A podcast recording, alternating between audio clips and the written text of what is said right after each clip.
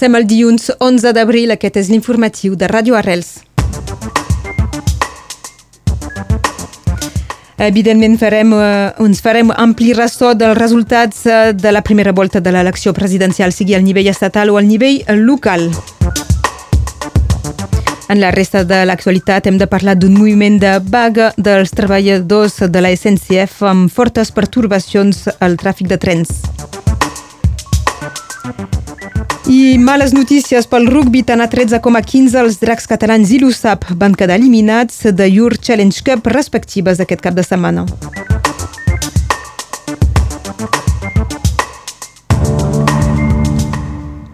Emmanuel Macron, 27,6%, Marine Le Pen, 23,4%, són els candidats qualificats per la segona volta de l'elecció presidencial francesa que tindrà lloc el diumenge 24 d'abril. El tercer és Jean-Luc Mélenchon amb un 22%, el quart Eric Zemmour, Eric Zemmour amb un 7%, el cap altre candidat se situa per sobre del 5% i l'abstenció frega els 26%. Més detalls amb l'Albert Noguer. Els altres candidats que no passen la barra del 5%, a partir de la qual les despeses de la campanya electoral són reembolsades per l'Estat, són 8%, Yannick Jadot d'Europe Ecologie Les Verts, 4,6%, Jean Lassalle, 3,16%, Fabien Roussel pel Partit Comunista, 2,2%, Anne Hidalgo pel Partit Socialista, a 1,7%, Philippe Poutou, 0,6%. La majoria dels candidats eliminats a la primera volta criden directament a Mélenchon, per exemple, diu que ni un vot ha d'anar a Le Pen, Pécresse a votar Macron també. Marine Le Pen té el suport de Zemmour i de Dupont-Aignan, blanc el 24 d'abril. Ara comença la campanya per la segona volta, una campanya que hauria de ser confrontacions d'idees i de programes entre els dos candidats, Emmanuel Macron i Marine Le Pen, ja que no ha estat alcalista per aquesta elecció el sociòleg Gauthier Sabrià. Aquest escrutini marca un canvi presidencials és que aquest any hem tingut ben poc debats televisius. Els debats que neixen per les presidencials on justament tots els candidats es podien reunir i debatre entre ells o preguntes directament dels periodistes. Aquest canvi ens fa replantejar moltes coses. Primer de tot, les petites candidatures, les candidatures de dretes han tingut poca visibilitat. També això ens fa replantejar el debat democràtic, perquè finalment el fet que s'hagin suprimit aquests debats col·lectius fa que ara són candidats donaran més visibilitat. Doncs, pocs debats, però sí que han tingut molts sondejos. Aquesta també és la nova tendència. I aquí és interessant també perquè veiem que aquests sondejos des de l'estiu passat han canviat ben pocs, que haurien de passar a la segona volta. Des d'aquell estiu se preveu una segona volta com el 2017. Però de tot ens fa demanar si eh, això tindrà pas un impacte sobre la, sobre la participació, si des que la gent aniria a. Passem ara als resultats eh, de Catalunya Nord, eh, just abans d'una altra campanya excepcional, sense debat col·lectiu televisat, però amb abundància de sondejos, i on per primera vegada del nou context molt marcat pel pes de les cadenes d'informació d'un banc i el de les xarxes socials de l'altre, que passa de ser majoritàriament de l'extrema dreta de Le Pen a Jean-Luc Mélenchon. I en pres, estem d'eina molt forta per un candidat, l'actual president Emmanuel Macron. És el primer cop que i que es queda, malgrat tot, en primera posició. I el tema de la televisió hi podem tornar, és interessant. És un canal vell que s'admiren sobretot la gent gran. I la gent gran sabem que són la gent que voten més. I pel que fa doncs ells segurament gasten més les xarxes socials.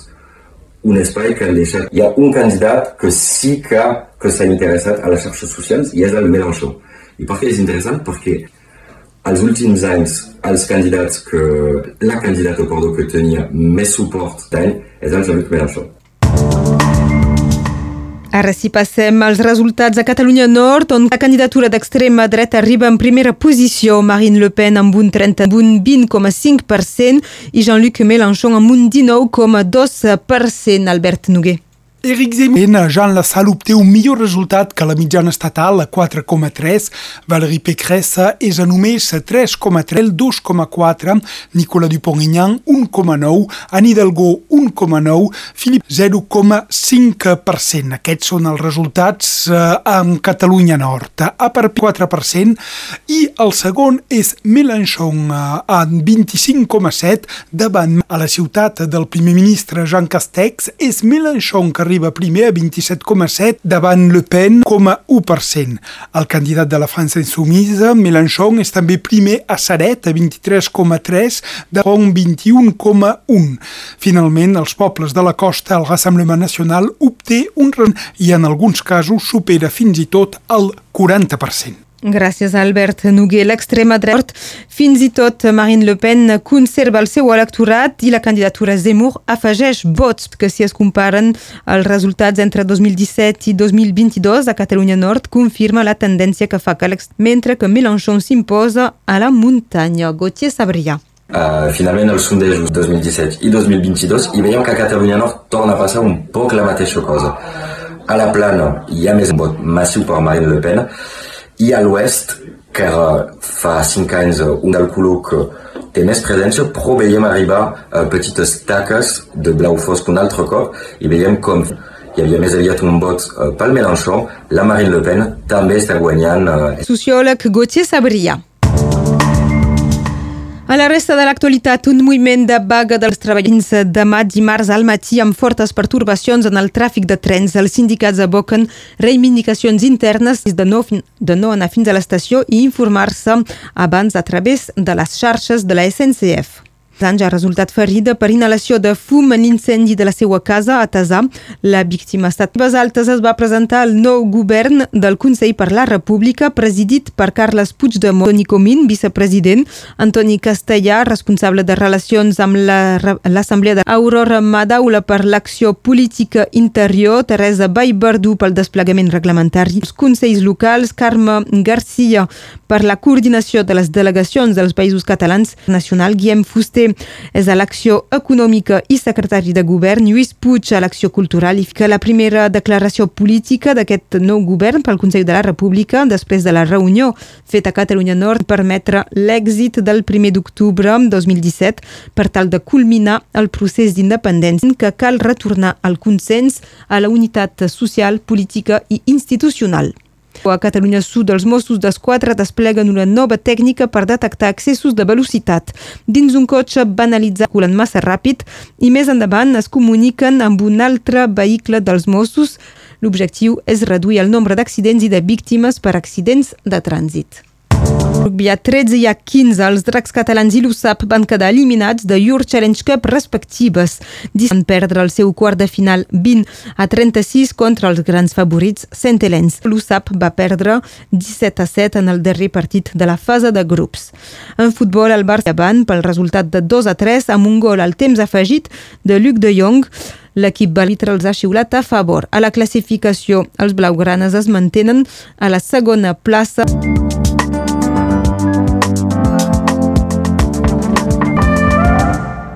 Passem a la previsió del temps amb l'Enric Balaguer.